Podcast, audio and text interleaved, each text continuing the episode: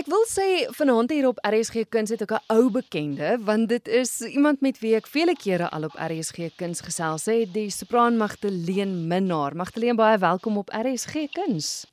Baie dankie Christel, lekker om te gesels weer met jou. Vanaand gesels ons egter in 'n heel ander hoedanigheid. Jy het altyd gesels as sopraan as deel van 'n produksie. Jy het dikwels het jy as regisseur opgetree in produksies, maar genade, nou te groot ding gebeur. ja, ek moet sê dit is regtig 'n 'n droompos wat ek nou gekry het en dit is 'n um, soort van dit voel soos 'n samevatting van al my al my skills wat net op een plek nou wat, wat ek kan toepas op een plek en dit is regtig 'n wonderlike geleentheid. Vir die wat nie weet nie, Magdalene is aangewys as artistieke direkteur van Kaapstad Opera. Baie geluk. Baie dankie, baie baie dankie. Hoe werk dit? Doen mens aansoek vir so 'n pos of het hulle jou gebel en gesê is joune? nee, weet jy, dit is 'n nogal 'n strawwe um proses waardeur ek gegaan het. Um dit dit was nogal 'n stresvolle tydperk geweest want um mens mens doen aansoek en uh dit is 'n wêreldwye um aansoekproses ja. en daar was jy weet 'n hele hele klomp mense, ek dink in die uh, amper 90 mense wat aansoek gedoen het op die ou ende wat ehm um, vir so 'n unieke pos nogal astronomiese hoeveelheid is as ek nou met jou kan eerlik wees. So die soort van odds dat mense dit kry is relatief klein en hulle doen regtig hulle huiswerk. Hulle doen 'n uh, klomp lang soort van onderhoude met jou en al die toetse wat daarmee saamgaan. So dit was nog 'n soos ek sê 'n strawwe proses om om deur dit te gaan. En ek dink hulle weet regtig wat hulle soek. So dit is daar word die doekies omgedraai nie. Presies, wat is dit wat jy gaan doen? Ek meen ek gesels soveel kere met 'n artistieke direkteur, maar wat presies is dit wat jy gaan doen by Kaapstad Opera? Ja, dit is 'n interessante pos want in in Engels is dit artistic director mm -hmm. en dit is 'n bietjie 'n soort van 'n 'n 'n vreemde term vir mense want hulle dink dan dat jy 'n regisseur gaan wees, maar dit is eintlik ek is wel 'n opera regisseur en ek word dan nou aangestel om ook regie te doen van operas, maar die soort van oor hoofse rol is meer in die administratiewe amper wil ek sê hoedanigheid en ook ehm um, dit is eintlik meer 'n bestuurspos en wat dit dan beteken is dat jy dan nou kyk na die verskillende spanne, die produksiespanne, die tegniese spanne, die die opera koor val byvoorbeeld ook onder my, die youth and development in education val onder my en dan natuurlik die die lekkerste deel is dat jy um, as artistieke direkteur dan nou die jaar moet beplan van die opera geselskap.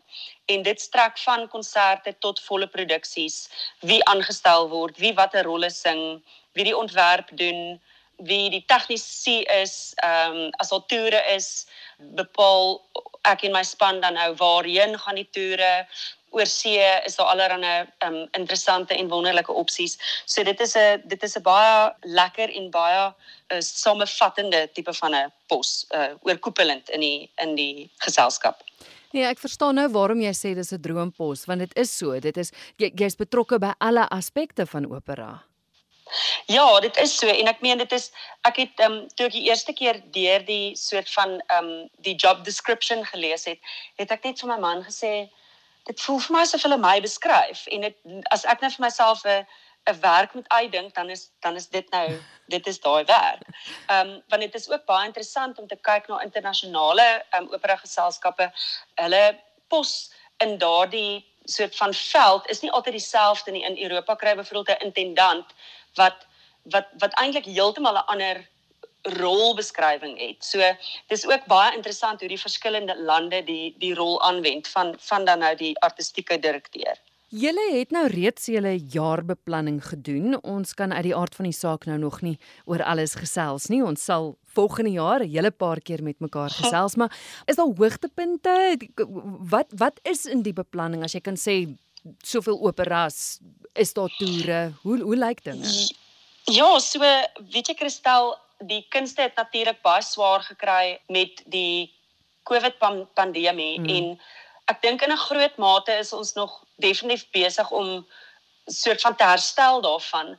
Maar wat ek wel kan sê, al kan ek nou nog nie in detail praat nie, is dat ons soort van drie groot volle operas beplan. Ja. En dit is juist met die rede dat ons dan nou alles soort van in huis kan doen. So ons gaan nie van oorseese regisseurs of ontwerpers of sangers gebruik maak nie. Ons gaan net van plaaslike mense gebruik maak en ek dink dit is hoogtyd dat ons bietjie na ons plaaslike talent kyk.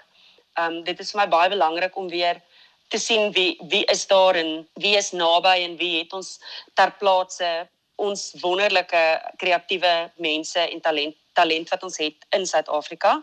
En dan het ons ook 'n hele paar wonderlike koor konserte. Soos jy weet, uh, ons opera koor van Kaapstad Opera is absoluut wêreldbekend mm. en word oral in Europa op die hande gedra en ek dink dit is hoogtyd dat ons hulle weer bietjie in Suid-Afrika hoor op 'n lekker Wes-Kaapse toer.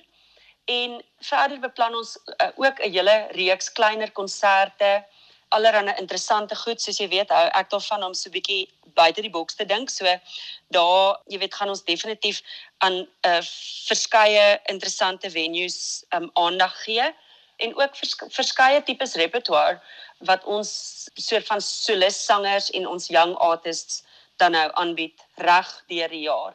En wat laas jaar gebeur het was wonderlike Australiese vrou het 'n uh, baie groot donasie gemaak om jaarliks 'n uh, 'n uh, toer te befonds wat dan nou 'n streeks toer is. En ons het uh, reeds hierdie jaar in ehm um, die Oos-Kaap gaan toer met 'n Laboem wat ek die regie van gedoen het.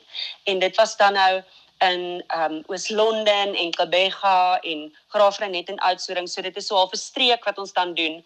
En die idee is dat ons dan twee maal per jaar 'n streek kies. So ons sal byvoorbeeld Gauteng toe gaan of Vrystaat toe gaan. Ehm um, dis half 'n uh, provinsie gebonde. So hmm. ons beplan definitief twee van daai ook van nou af ehm um, elke jaar. So dit is 'n baie propvol jaar ten spyte van van COVID en alles wat dit gedoen het aan ons kunstenaars en ons gehoor is en is baie baie opwindend vir ons. Ja, dis wonderlik. Ek wonder nou net as mens artistieke direkteur word, beteken dit jy gaan ophou sing? ek kry die vraag nou deesdae baie. Ehm um, dit sal definitief nooit beteken dat ek ophou sing nie want dit is so deel van my en dit is iets waarvoor ek so ongelooflik lief is. Ek sal wel definitief 'n bietjie afskaal, maar daar weer eens het die afgelope 2 jaar se pandemie my so half eintlik voorberei daarvoor omdat daar nie regtig optree of baie optree geleenthede was nie. So ek is nie ehm um, so ek wil amper sê ehm um, konsert fiks as wat ek wil wees nie. Ek meen en en daarbey bedoel ek nie ehm um, tegnies met my stem nie, maar net mm. ehm um, daardie ding van jy het elke week een of twee konserte en jy's die hele tyd besig om nuwe musiek te leer en ehm um, dit dit is so 'n deel van jou lewe ek um, moes begin meer les gee wat vir my regtig wonderlik was. So dit is iets wat ek ook nou so klein bietjie gaan met kant toe skuif.